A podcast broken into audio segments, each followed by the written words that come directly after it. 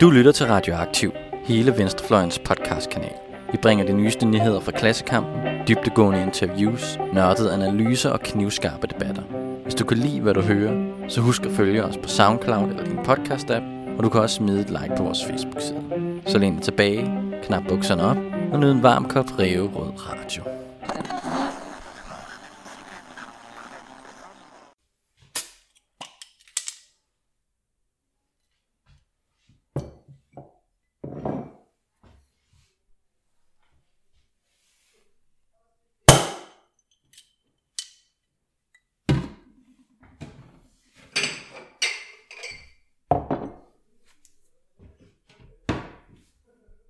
Hej og velkommen til Salonsocialisterne.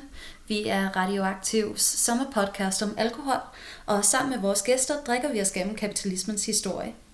Jeg sidder her sammen med vært Alex Adeshan Kalaid, phd studerende i teoretisk fysik og nanoteknologi ved Lunds Universitet. Mange tak, og jeg sidder her sammen med min medvært, Josefine Lehaf, phd studerende i medier ved RUG. Med os i dag har vi to gæster. Først Malte Frøsle Ibsen, som er postdoc ved Københavns, Københavns Universitet ved Institut for Statskundskab, er det rigtigt? Det er, helt- det er helt rigtigt, ja. Yes. Og også vores man in the Alexandra Ocasio-Cortez t-shirt. Den anden gæst er Janus Rønbak, som er min kollega her på Radioaktiv, der har serierne Vand under broen, historiepodcasten, og Katalysator, som er politisk teori-podcasten. Tak fordi jeg måtte komme. Selv tak. Og dagens emne er øl. Det kan vi godt lide. Yes, det er... Man kan, man kan dårligt være dansker uden at have et forhold til øl. Øh, I hvert fald, det, det er svært ikke at støde på det. um, så jeg tænker, til at lægge ud med, så har jeg medbragt øh, noget hjemmebryg, som er IPA med citra hops, så det har sådan en smag af citrus. Mm. Um, skal vi smage på det? Ja, lad os gøre det.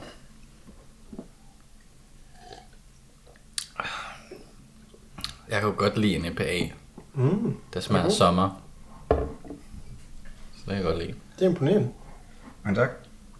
Mm. Så det er heller ikke lavet helt selv. Det er brygget med en kollega, der har lidt mere erfaring end jeg har. Hvordan er det, man gør det? Man øh, koger noget korn for at øh, hvad skal man sige, rense det for bakterier og, og sådan noget, der kunne være i det, og også for at øh, hjælpe med at nedbryde stivelsen i kornet, og så blander man det med gær og humle og sådan nogle ting. Og så giver man det tid, nogle uger i det her tilfælde, hvor det skal stå ved stuetemperatur. Det er det, der adskiller ale fra for eksempel en, en lager, der skal stå ved lidt koldere temperatur. Øh, og så efter nogle uger kan man hælde det på flaske, skal stå nogle uger igen, og så kan du drikke det. Er det sådan et antikapitalistisk projekt, hvor du prøver at komme udenom øh, at skulle købe ind fra den onde kapital? Eller? Nej, Er det, bare det, det er det ikke. Altså man understøtter jo også kapitalen, når man så køber de her... Der, er- der, selvfølgelig være fat i råvarerne, så skal du ud og dyrke, øh, dyrke nogle ting selv ude i din have og sådan noget. ja, det, der er jeg ikke nået til endnu. Ah, okay. Der findes ikke et rigtigt liv i en falsk verden, som Adorno sagde.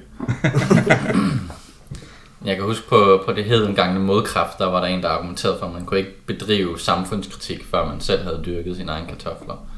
Okay. En eller anden skør anarkist, der var flyttet ud på en gård. Så. Nå, men kartofler er om ikke andet lettere at dyrke end så meget andet, han kunne have sat barn ved. Ja, det er selvfølgelig rigtigt. Ja, men er det ikke også lidt elitært at sige, at øh, man ikke kan være kritiker uden at have sin eget land at dyrke på? Jo, Det er sådan en 70'er idé. jeg, hvad? jeg ved ikke, hvor han fik den frem. Det, det, jeg ved heller ikke, hvorfor han fik en blog på modkraft. Altså, det var, øh, men men det, der var så mange skøre idéer der. Så. Yes, men øh, udgangspunktet jeg tænkt på, at vi skal bruge øllen til at snakke om, det er organisering.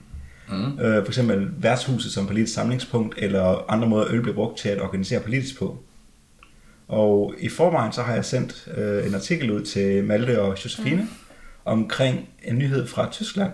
Ja. ja, altså nu kan jeg ikke lige huske stednavne, men der øh, skal holdes et større neonazistisk forsamling i, øh, i Tyskland.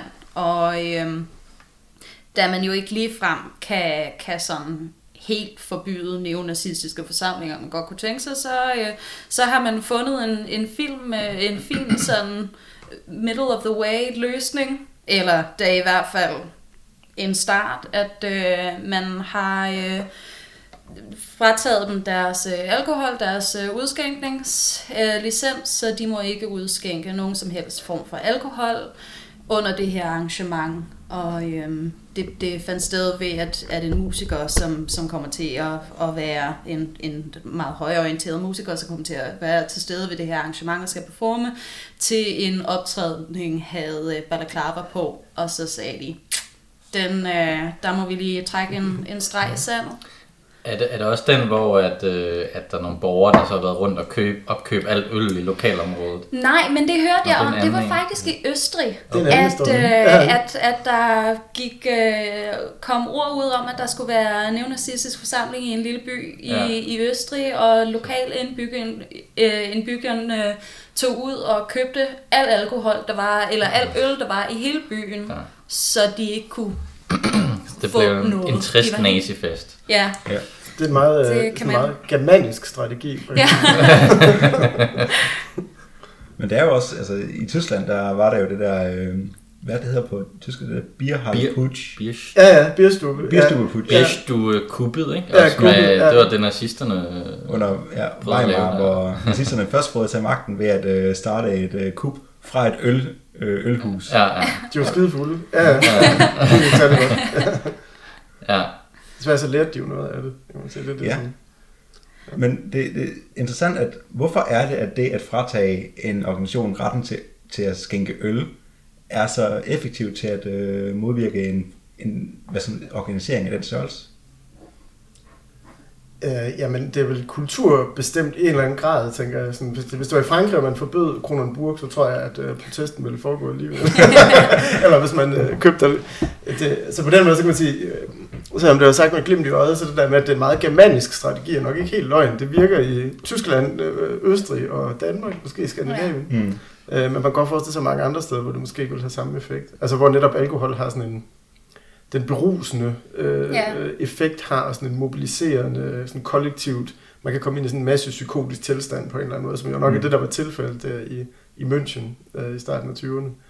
Øhm, og der kan man sige, der er, det var da ikke fordi, det var særlig sådan begavet gennemført. Og, Og det fejlede jo også. ja, netop, ja. det er måske en af, Måske en lærer af det.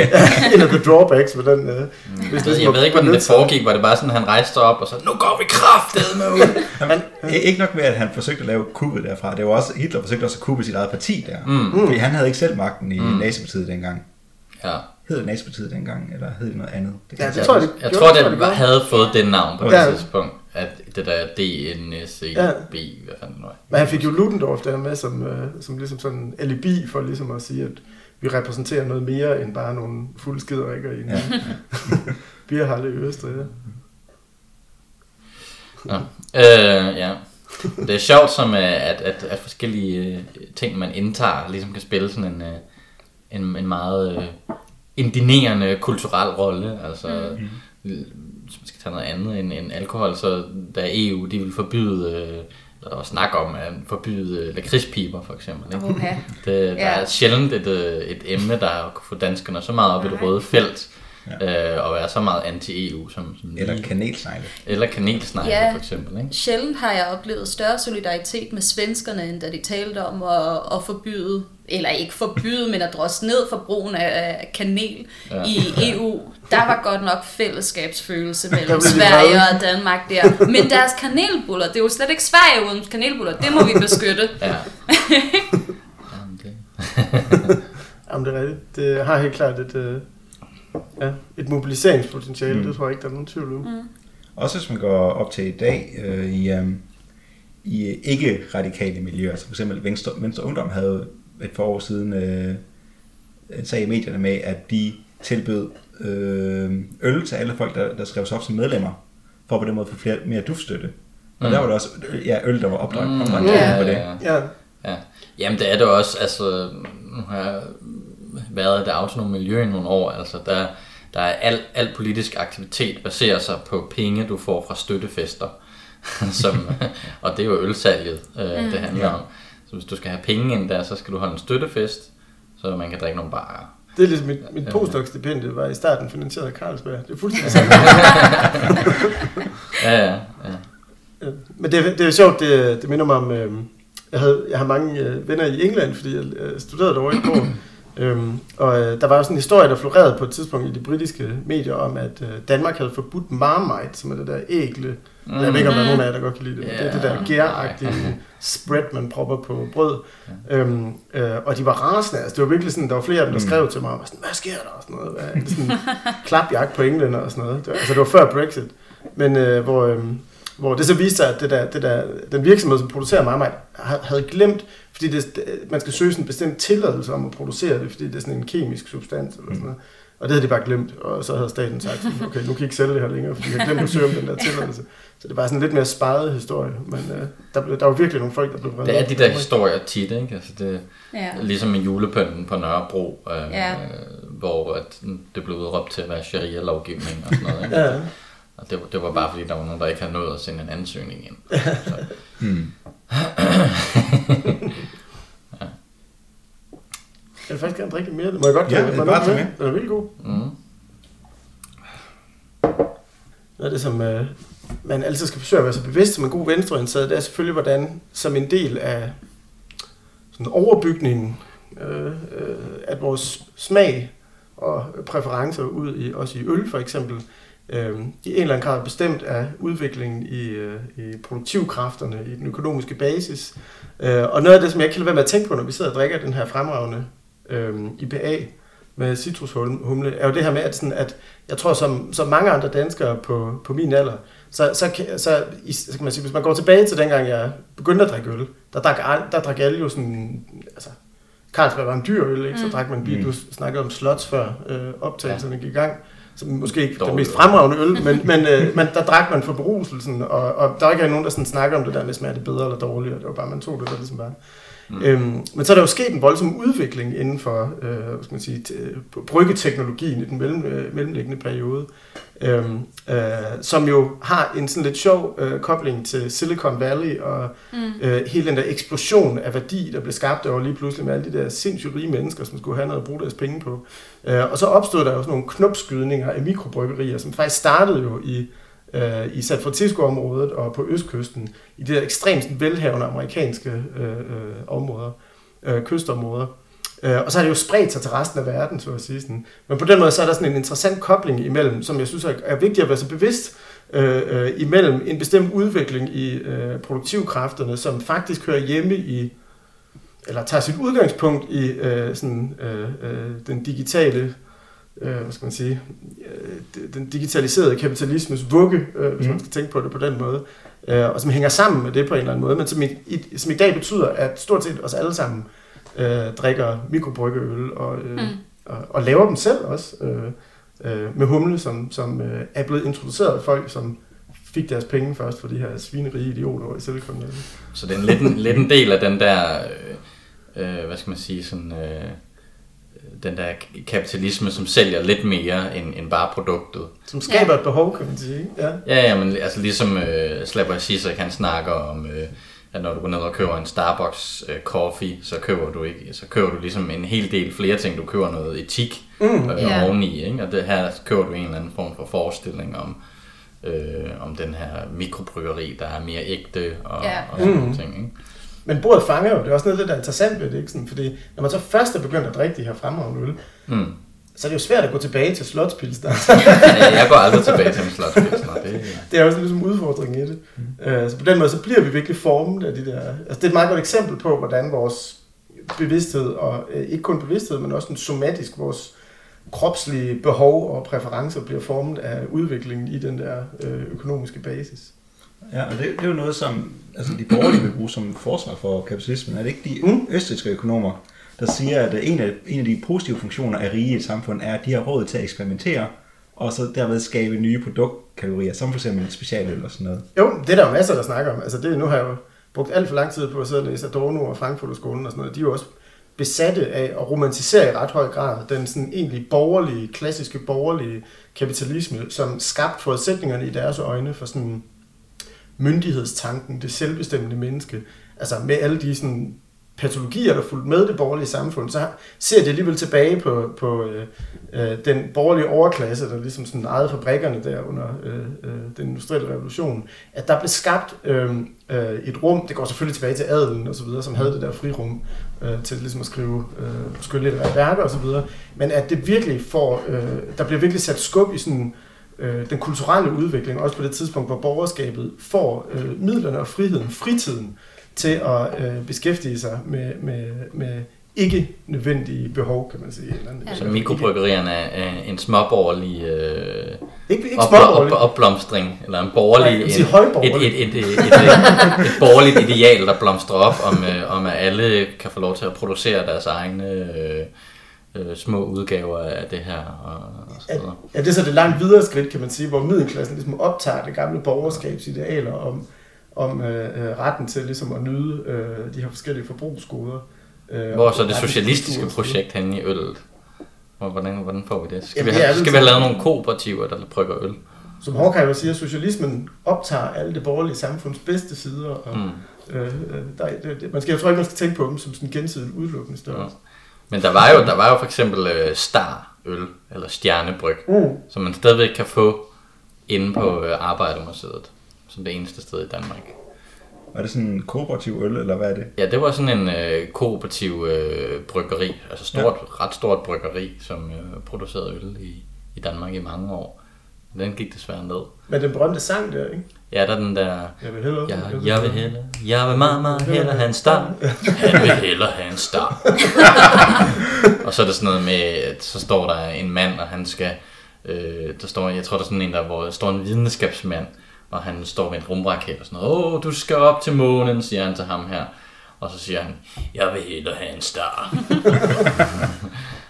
det er jo meget fede reklamer. Det er mærkeligt, at det ikke lykkedes for dem, når de har sådan en god reklame. Men jeg tror, det er vigtigt at insistere på det der med, at, at, hvad skal man, sige, at man kan sagtens have den form for udvikling i den der økonomiske base, som skaber de her øl, mm. øh, inden for for eksempel en kooperativ struktur. Så altså, man behøver jo ikke kun at producere slotsøl. Mm. Øh, så, så kan man så sige, at okay, så vil de borgerlige sige, at øh, at der ligesom ikke er incitament til at, at, at, at finde på nye ting. Nye øl, ja. Men, men, men øh, den behøver hvis man de har smagt en slotsøl, så vil det Ja, det er det. Altså. Skål. Skål. Skål. men hvad med dig, Janus? Var det så Star, som var din introduktion til den gode danske drik? Øh, jeg tror, at Star var lukket, da, da jeg begyndte at drikke øl. Altså, jeg kunne faktisk ikke lide øl, øh, da jeg var yngre. Nej, det kunne jeg godt nok heller ikke. Jeg tror først, det var, da Øh, øh, jeg tror, jeg tror, det tog mig mange år. Jeg tror først, det var... Øh, altså, nu er jeg 31. Jeg tror først, det var, det var 3-24, at jeg sådan begyndte mm. at kunne lide øl. Ja. Og det, det var også der, hvor de der mikrobryggerier begyndte at komme frem. Så altså, de har hjulpet mig med at kunne lide øl. Mm. Fordi bare den der sådan helt... Øh, øh, altså igen, jeg kommer fra Kolding. Der var slotsøl rimelig dominerende. øh, den har jeg aldrig kunne lide. Den kan jeg stadigvæk ikke lide. Øh, så, så på den måde har de der mikrobryggerier hjulpet, hjulpet min, min ølsmagning på vej, kan man sige. Det var heller ikke noget, som, som jeg kom naturligt til. Nej. Og det er egentlig, det er egentlig lidt sjovt at, at tale om, om øl i den her kontekst. Jeg, jeg bliver sådan underligt bevidst om, hvor dansk en ting det egentlig er, fordi vi har så også talt om, om vodka og om whisky og, og, og været inde omkring noget vin og sådan noget, og nogle, nogle andre drikke, som, som er mindre sådan særpræget danske, og, og sådan de to danske alkoholsorter er jo umiddelbart sådan øl og snaps. Og ofte drikker man jo alligevel heller ikke snaps. Så det var, det, det var øl, som jeg skulle lære mm. at, at drikke, og så gerne også elske, fordi at, at det er sådan et særligt forhold, danskere har til øl. Jeg er opvokset i USA og kom tilbage til Danmark, i, da jeg var 16, så, så mine klassekammerater havde ligesom et forspring mm. i forhold til at, at lære at drikke øl, og det tog mig nogle år. Men jeg har, jeg har også altid haft et, et, et abnormt øh, forhold til øl i forhold til, ja. til min generation. Ikke? Og jeg ser, ser ærke dansk ud og har altid boet i Danmark, men, men, øh, men øl har jeg aldrig sådan, Nej. Øh, altså, jo, de sidste år, men, men en stor del af mit liv, der, var jeg, der kunne jeg ikke lide øl.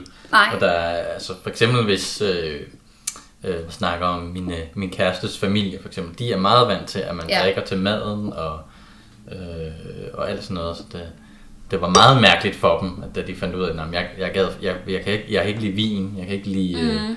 øh, en hel del ting. Så det, der gik ligesom noget... Øh, så nu er de bare sådan, om han får en øl, og så får, ja. jeg, så får jeg en øl, og så, så er det fint med det. Men det er alligevel sjovt, at det kommer til at fylde noget, at, at man, ja, ja. man bør det er meget underligt. det.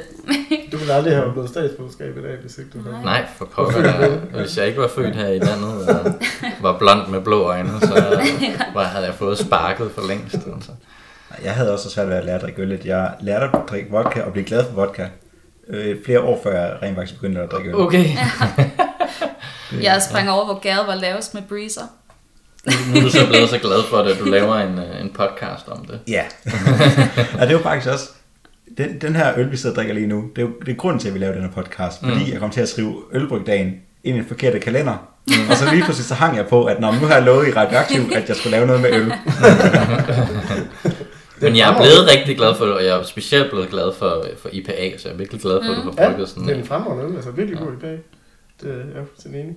Det er også, jeg tænker det der med vodka, det er ikke tilfældigt, at danskere har haft meget nemt sådan, ligesom at optage vodka i fordi man sådan en simpel folkefærd, der godt kan lide ting, der sådan er brygget på korn og kartofler og roer mm. og sådan noget. Det skal gerne være sådan nogle øh, ting, man kan gå ud og grave op på marken mm. og stampe lidt på. Mm. Og så, ja, ja. Men det er også sjovt, altså, hvis man skal snakke lidt sådan noget med arbejderbevægelse og sådan noget, ikke? Altså, der, så har der jo været en lidt, en, en lidt sjov udvikling i, øh, i forhold til øl og alkohol i det hele taget. Fordi altså sådan, i den tidligere arbejderbevægelse, der har der, var der meget øh, øh, en afholdsbevægelse, mm. som, yeah. øh, som øh, forsøgte at få danskerne til at drikke mindre. Yeah. Mm. Men senere så, øh, så prøvede man faktisk, øh, det har jeg snakket med nogle øh, gamle politiske aktive om, at, øh, at man på et tidspunkt, ligesom for eksempel i DKP og sådan noget, øh, tog det som sådan en, øh, altså at det var et politisk øh, bevidst, at øh, når man arbejderbevægelsen drikker, jamen, så, skal, så skal vi sgu også drikke nogle bajer, så vi kan snakke med dem. Eller sådan. Øh, så, så der har været sådan en, øh, nogle forskellige forhold til, øh, til, til det her øl, og det, det har også Øh, altså den, man kan tydeligt se det forskellen i, i for eksempel de nordiske venstrefløje. Den danske venstrefløj er jo langt mere alkoholiseret end for eksempel i Norge, øh, og også i Sverige. Ja. Altså jeg kan huske, øh, vi havde et projekt, øh, da jeg var med i Socialistisk Ungdomsfront, øh, hvor vi havde samarbejde med nogen fra Norge om at lave et blad. Øh, og, og så havde vi så, de kom så til Danmark, øh, og vi havde holdt vores møde, og så som helt naturligt, jamen, så sagde vi, skal vi ikke gå her, lige herned på en café og sådan noget? Jo, og jeg skal have en øl. Skal I have noget? Nej, det, det skulle de ikke. Det, det må man simpelthen ikke. Nej, det, har jeg det, det er fuldstændig no-go at, at drikke en øl. Øh, hvor at i Danmark, altså, jeg har skulle have en kamp i nogle af de organisationer, jeg har haft, bare for at, at sige, vi skal ikke drikke under mødet, eller ikke i pausen ja. mellem møderne, og du skal heller ikke ryge en joint, øh, før mødet er slut. Øh, altså, så der er en kæmpe kulturforskel øh, i forhold til, hvordan man har håndteret den der afholdsbevægelse mm. i de forskellige lande. Mm. Nu, den her afholdsbevægelse, du nævnte, mm. øh, var det ud fra en socialistisk analyse om, at alkohol var undertrykkende, eller har der været religiøse elementer i arbejderbevægelsen, der har sagt, at det var fordærvende for moralen? Øh, jeg, jeg tror, at der har helt sikkert også været nogle religiøse elementer i det, men, men, men der har også været et argument, som hed, at øh, jamen, far drikker, og, øh, og det ødelægger familien, og det ødelægger øh, velfærden. Så der er et eller andet velfærdsargument i det også, har jeg i hvert fald set nogle plakater fra, jeg tror, fra Socialdemokratiet i mm. 20'erne eller 30'erne eller sådan noget. Ja, fordi der var jo, altså det var et helt reelt problem der i starten, at så slid de øh, lange dage på fabrikkerne, og så, hvad gjorde man så? Man havde det helvede, så gik man mm. ud på, på værtshuset og ja. drak, drak halvdelen af lønnen op. Ikke? Sådan, ja, på den måde, så var det jo et helt reelt sådan, altså sådan, fin, sådan finansieringsproblem for familierne ja. der i starten. Ja. tænker, at der virkelig var sådan en udbredt drukkultur.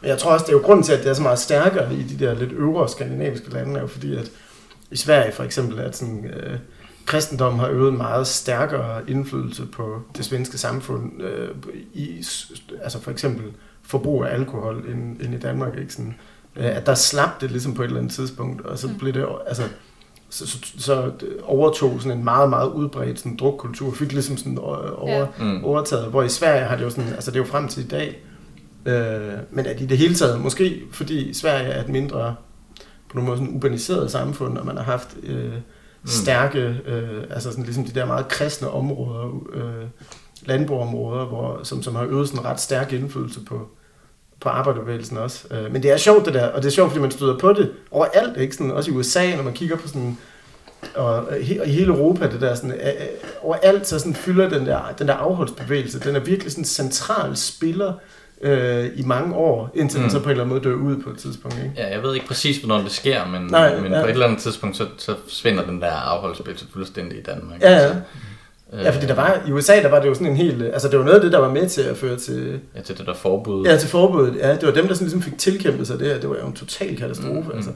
Øh, Men jeg, læ- jeg læste også her for nylig uh, George Orwells bog, uh, hvad den hedder, London og Paris' et eller andet. Den handler i hvert fald om hans tid som uh, meget fattig uh, arbejder i Paris først, og siden i London, hvor han, han havde et, et års tid, hvor han bare levede fuldstændig på røven eller sådan noget.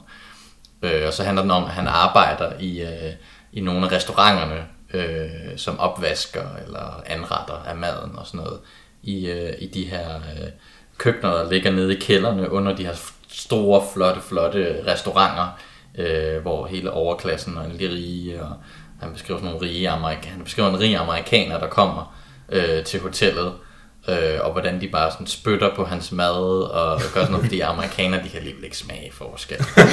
øh, og hele så beskriver han, hvor ulækker og beskidt de her restauranter er, ikke? Men de arbejder så der i, øh, i 14 timer hver dag nede i den her kælder, hvor der bare er meget beskidt og, og, og varmt og alt sådan noget. Og så går han ud øh, og går på de der bistroer, de har overalt i Paris, mm. og så drikker de så bare i hegnet, vælter hjem, hvor de nu sover i en, på en eller anden loppebefindt seng et eller andet sted, og så det samme næste dag.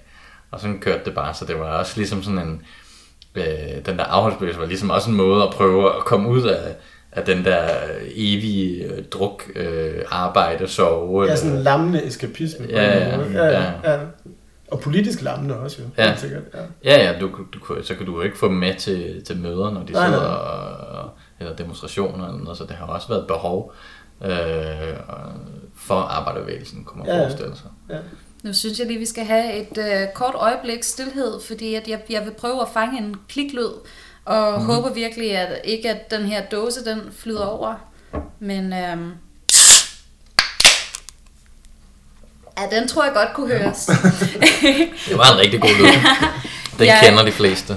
Jeg, øh, jeg har nemlig taget sådan en, øh, en fuldsang Blackbird, en gylden klassisk, øh, med, og det er, jeg øh, har en kæreste fra Hadslev, Mm-hmm. og fuldsang er et bryggeri med hjem i Haderslev, og det er sådan en, en øl, som er, er det tomt, det glas? Ja, det er tomt.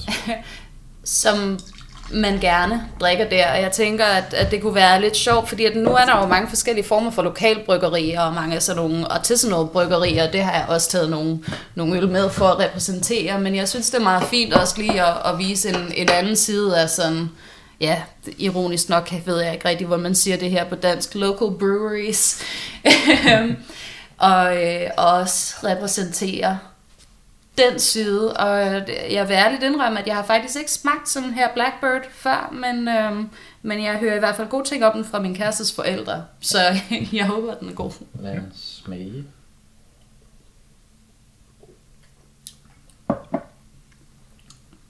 Så Min mors side af familien er også sønderjysk, så Ja. hvert år, når vi besøger øh, min morfar til julefrokosten, så er der altid Blackbird, der bliver serveret. Mm. Så jeg er også vokset op med at drikke den, og det er jo, det er jo sjovt det der med at have en hvad skal man sige, lokal øl, der har den her lokale identitet, men som samtidig er det tætteste, tætteste vi kommer på at have en lokal bryg, der er stor industri. Ja, mm. ja.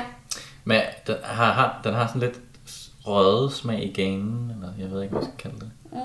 Ja, man kan tydeligt smage forskel i, i, i humlen, ikke? Sådan. ja.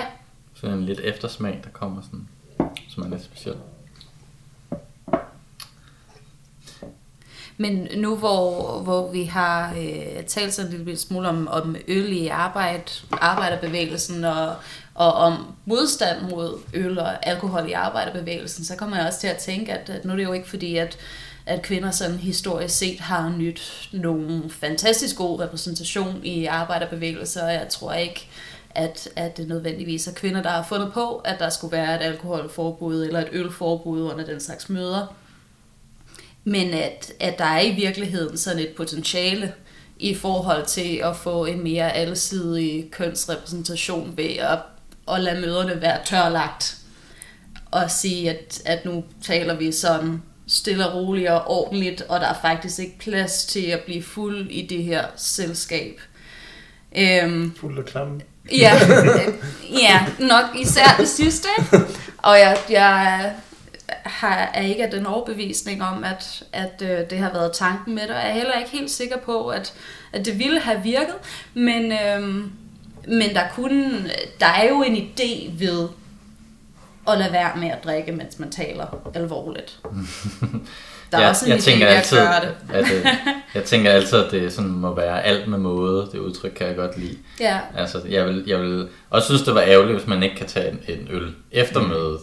Øh, ligesom vores norske kammerater. Det synes jeg næsten var... eller svenske. Det var en, eller, jeg ved ikke om svenskerne helt... Er det ikke sådan, Norge er lidt mere nazi med det? End, Norge er mere nazi med det, men ja. når jeg har været til Venstre Ungdomsmøder i Sverige, og det svenske Venstre ja. er rent faktisk til Venstre. Når jeg har været til Venstre ja, Ungdomsmøder i Sverige, øhm, så, så har de ikke været villige til at drikke øl efter møderne. Nå, okay. I hvert fald i Lund. Okay. Det er ekstremt. Ja. Det, det er jo helt vildt for en dansker. Jo. Ja. Altså, der, der synes jeg, det kan man godt, man kan godt tage en øl bagefter mødet. Altså, det er for, også fordi, så lærer man hinanden lidt. Altså, det kan godt være, at det bare er danskere, der er helt lukket og reserveret, hvis de ikke får en bajer, men altså... Men det, er jo, det hjælper sgu da ja, lidt. Altså, jeg, altså nu... Altså, jeg, altså jeg må indrømme, jeg, altså jeg hører virkelig ikke hjemme på sådan den aktivistiske øh, del af venstrefløjen, men sådan i, øh, det, det eksempel, jeg kan trække op af hatten, er sådan på den, øh, i sådan, den tyske skal man sige, akademiske venstrefløj i en eller anden, øh, i en eller anden grad. Eller jo, det er det jo.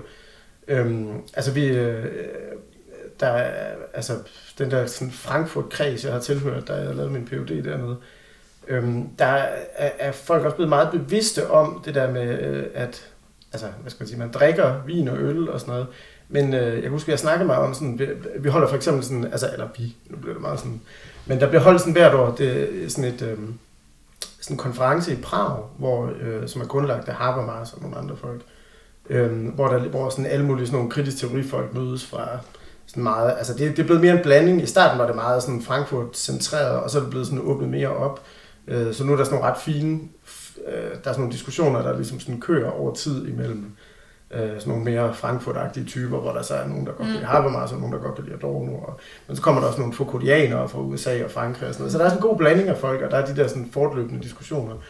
Øh, men der har jeg tit haft den der fornemmelse af, at øh, så sidder man og hygger sig, og der er sådan en reception, hvor folk også drikker noget alkohol og sådan noget. Men når man så går ud på en bar, så er der virkelig mange, især de sådan unge kvinder, der sådan siver ud ja. og går hjem. Øh, fordi at, øh, at så træder man ligesom ind i et andet rum, så, bliver det, så, så er der nogle af de der gamle professorer, der ikke kan holde nallerne for sig selv. Sådan noget. øh, hvor, øh, ja. øh, og det, det, det, det, har jeg virkelig, det kan jeg huske, da jeg først lå mærke til det, altså det er jo igen sådan en historie med en naiv, naiv ung mand, der ikke fatter, hvad der sker i verden omkring sig. Men, men øh, jeg kunne huske den der fornemmelse af, at da jeg først begyndte at lå mærke til det, der var det sådan helt konsekvent hvert mm. år, at så når man går ned på en bar, altså man går også, altså, går også på sådan nogle, øh, de der tjekkiske natklubber og sådan noget, er selvfølgelig også sådan lidt shady.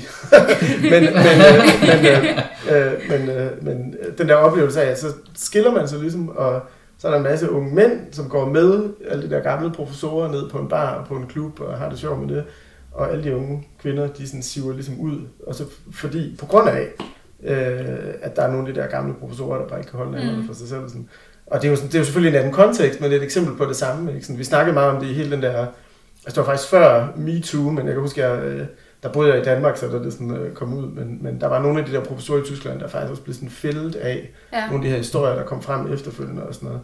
Øh, og jeg snakkede med nogle af, af dem, jeg læste sammen med dernede, øh, hos nogle af mine kvindelige kolleger i Frankfurt, hvor der faktisk der er meget sådan opmærksomhed på, at der skal være lige repræsentation, og der skal mm. ikke være en ulige kønsfordeling og sådan noget. Men at de virkelig havde haft den her oplevelse af nogle sådan ret konkrete professorer, der havde været super klamme og ubehagelige. Øh, og der var heldigvis nogle af dem, der røg, men ikke dem alle sammen. Altså det er jo lidt, så du siger, Janus, at, at man lærer hinanden bedre at kende, og kommer hinanden mere ved. Og Det det, er det. og det er jo rigtigt, men det er nogle gange på godt og ondt. Ja. I hvert fald indtil man har fået sorteret Mm. de mm. værste syndere fra. Ja. og det er jo også, altså det er måske ikke tilfældigt, fordi Tyskland er jo på mange måder, altså den tyske drukkultur kan jo på mange måder sådan en til en sammenlignes med den danske, ikke? Sådan, når man når man har haft et kolloquium og siddet der og diskuteret et eller andet paper i tre timer, det var virkelig lang tid i Tyskland, mm. det er ikke bare sådan en eller anden time.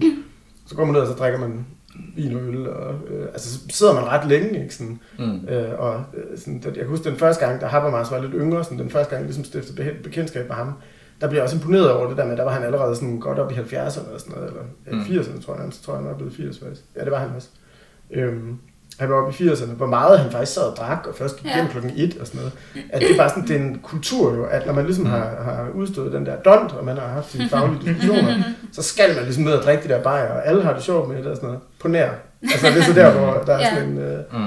blind vinkel, ikke? Sådan. Men så det det, er tror jeg understøtter din, altså, Ja. det understøtter din pointe. Sådan, ja.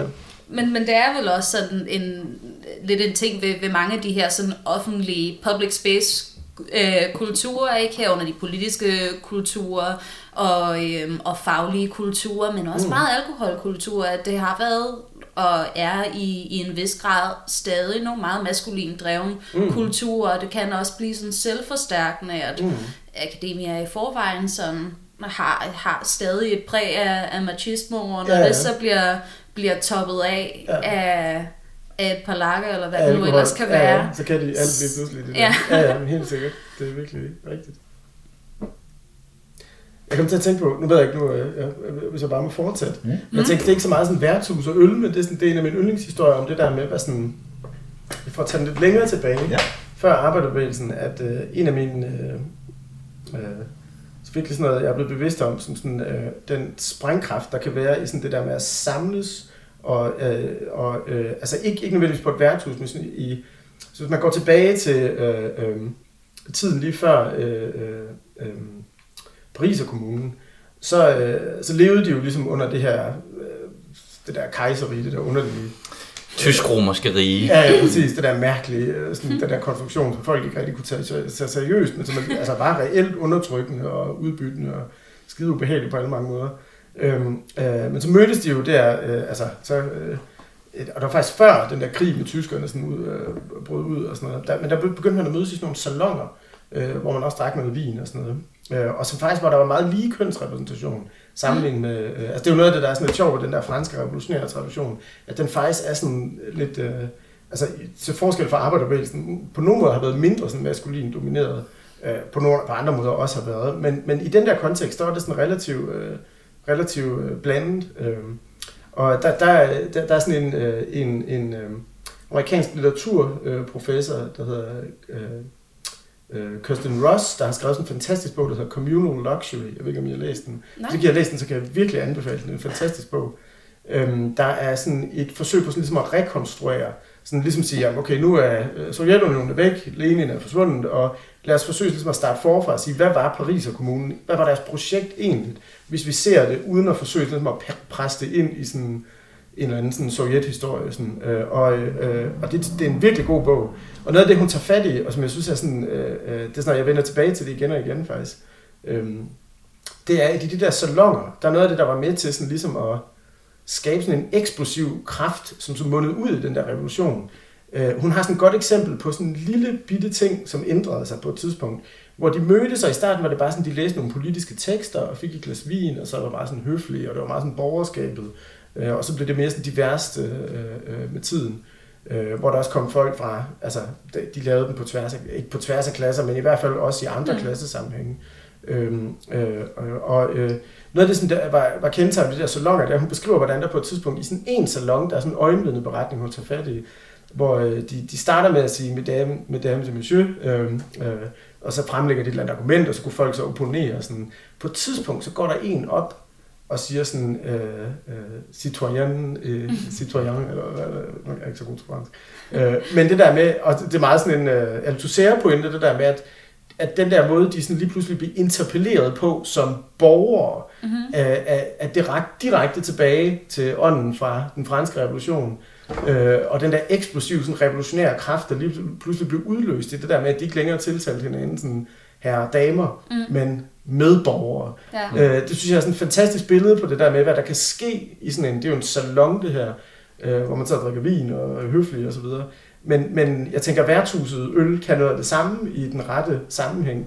Øh, og jeg synes, det er sådan en, god, det er sådan en virkelig god beskrivelse af det der med, hvordan starten på en politisk bevægelse, der så munder ud i det her fantastiske sådan, frihedsprojekt, som Pris og kommunen er, øh, selvom det mislykkedes, eller øh, blev brutalt nedkæmpet, øh, øh, så den der sådan, virkelig sådan eksplosion af øh, frihedstrang mod den der undertrykkelse og udbytning, øh, øh, øh, hvordan den startede i en aktivering af den der revolutionære arv fra øh, øh, den franske revolution øh, i, i de der parisiske salonger, ved at man begyndte at tiltale hinanden borgere. Vi Ja. har, altså staten, den tyranniske stat, kan ikke fratage os øh, den værdighed, vi har som borgere, og den kraft, vi besidder i fællesskab og sådan noget. Det synes jeg virkelig er en stærk historie, hun tager op i og sådan får bundet sammen med historien om, hun får ligesom vist, hvordan der sker noget på det tidspunkt, der hvor folk begynder ligesom at organisere sig på nogle andre måder og sådan noget. Øhm, og det var egentlig, jeg, havde tænkt, jeg havde tænkt på det som sådan et eksempel på det der med, hvad sådan, under de bedste vilkår, hvad værtshuset måske kan som sådan en kontekst for politisk mobilisering på en eller anden måde. Det der med, at det kan ændre spillereglerne for nogle mennesker, Ja. der lige pludselig begynder at tænke på sig selv på en anden måde. Øhm, vi er ikke undertrykte. Vi er mennesker med værdighed, som kan tage øh, øh, øh, friheden tilbage. Øh, også selvom det så havde nogle øh, ubehagelige omkostninger for de Mm. mennesker, der faktisk var organiseret i det projekt. Nu vi snakker om, øh, om, om gamle dage og sådan noget, så har jeg skrevet et, øh, et projekt om, øh, om Ditmarsken, som øh, var en bunderepublik, bonderepublik, øh, og der hvor Holsten ligger i dag. En, øh, ja, det var sådan set et, et område, der var styret udelukkende af bønder, hvilket var voldsomt usædvanligt på det tidspunkt. Øh, den eneste ekvivalens det, i Europa, det er måske øh, Schweiz. Øhm, og, øh, øh, og det var faktisk øh, øh, det flag, som man sagde, at øh, faldt ned i Estland, øh, det oprindelige Dannebro, det skulle efter sine være tabt ved et slag mod ditmarskerne i år 1500. øh, Hvor flaget hen? det var dig, der havde. Øh, jamen altså, fordi at de blev simpelthen slået ihjel. Halvdelen af den danske adel blev slået ihjel af de her øh, ditmaskere. Øh, men de her ditmaskere, de havde så en... Øh, de er lavet øh, ret tidligt, øh, og det er ret øh, unormalt for den tid, der lavede de en, øh, en, øh, en grundlov. Øh, og, og, og, og noget af det interessante, det var, at, at mange af de øh, love, der ligesom var i den grundlov, Øh, de, der, der var meget, der handlede om øl. Altså, der var en, en del værdier, der blev fastsat i øltønder. Øh, og der var endda en, en lov, som, øh, øh, hvad hedder det, som handlede om altså en specifik lov, og, og det var ikke fordi, at der var tusindvis af love i den her grundlov, de havde, men der var en specifik lov, som handlede om, øh, hvilken strafudmåling der var ved at hælde øl øh, i ho- over hovedet på en anden person. Så det har haft en meget stor betydning. Øh... Nå, nå for pokker. Hvad, hvad har grunden været til det? Har det været, fordi det var, øllen i sig selv var værdifuld, eller fordi det var respektløst over for den person, der gjorde det mod, eller... Øh, det, det var på grund af, det var, jeg tror begge dele måske i virkeligheden. Øh, altså det var lidt svært at, at hitte ud af, hvad årsagen. Respektløst over for øl. vi, skulle, vi skulle ligesom sidde og tolke på, øh, hvad, hvad det var, den her... Vi skulle samtidig sidde og oversætte fra oldfrisisk, så det var, uh. det var, sådan, det var lidt svært at... Der var flere niveauer. øh, og, hitte ud af her, hvad, hvad, hvad, hvad meningen med alle deres love var. Der var mange rigtig sjove love. øh, ja, men, øh, men øl har i hvert fald spillet en rimelig central ho- rolle. Øh, også i bunderepublikken Distmarsk. Men hvis man går, hvis man går endnu, altså hvis man går langt tilbage, så drak man jo ikke primært øl for brusens skyld, så var det vel for, for at drikke noget, der var rent, altså man ikke blev syg af i virkeligheden, var ikke? Ja, det var et jeg, tror, jeg tror måske, det er lidt af en myte. Oh, det går være. Øh, den der med, at, at altså man drak i hvert fald alkohol, eller øl med lavere alkoholprocent, Ja, øh, og dermed kunne drikke mere, men, men øh, må ikke man ude på landet og så videre, øh, hvor de fleste boede, også drak vand og, og ja, så ja, videre. ja, ja. Ej, det er klart. Øh, men, men, men det er rigtigt, altså nogle af byerne, der har det jo været enormt beskidt. Der kan man Mm. jo ikke lige drikke det vand, der var. Nej. Øh, så det kan godt være, at det har været lidt udbredt, men øh, jeg tror Er ikke, det har været... Derfor vi har tradition med julebryg og påskebryg, at det var mere normalt at drikke øl. Øh, så man drog noget med svage procenter jo. Og så Mm. i højtiderne, så kunne man så unde sig selv at få noget med ordentlige procenter. Ah ja, det er muligt, at, øh, at det har haft en effekt. Men så nogle gange har man bare hørt sådan en myte om, at man drak kun øl i middelalderen. Ja, det, det, det tror jeg simpelthen ikke, man kan overleve, også selvom det er et lav øh, procent. Også selvom vandet er dårligt. Men Josefine, du har taget en ny øl med også. Ja, jeg har lige hældt en øh, Svaneke Solskins Ale op, og det er en øh, Bornholmsk slow beer, økologisk og alt muligt, som også gerne... Slow beer, hvad vil det sige? Åh, ja. Det håbede jeg, at den anden kunne fortælle mig. Det, det ved jeg Er det noget, du ved, Ikke. øh, her ølbrygger? Ja, Nej, det ved jeg faktisk ikke. Øh, men jeg gætter på, at det er en, der skal... Altså, IPA'en, som jeg har brygget, det har jo været et spørgsmål, om det skulle ligge i to uger. Så skulle Ja. den falde på flasker, så skulle den ligge i to uger, så er man klar til at drikke. ja, Jeg gætter på, at slow beer, der er du så oppe i måske måneder. ja. Den er også god, Det den er- her. Øh, det var Svanike Solskins. Ja, Ale. Solskins Ale. Svanike Solskins Ale. Okay. Og det øhm, er der så, jeg, jeg vil gerne have noget, nogle forskellige sådan danske bryggerier repræsenteret, og, og jeg kiggede i virkeligheden på noget Mikkeler, og så blev jeg enig med mig selv om, at det faktisk ikke rigtig var, var selskabet, synes jeg, til, til lige Mikkelerøl. Altså, det, det smager jo vildt godt, men, øhm, men der er et eller andet ved det der konsortium, som ikke rigtig egner sig til... øhm, til sådan de socialistiske og Men marxistiske jeg er også, jeg er også ret glad for Svanike. Ja, Øh, det er, helt klart en af mine top 5 øh, mikrobryggerier, vil jeg sige. Men så har vi også Tisted, sådan, Tisted øh, mikrobryggeri er jeg også rigtig glad for. så har vi fået sådan to regioner med Blackbird som Ja. ja. sønderjysk, og. Svanike som Ja. ja.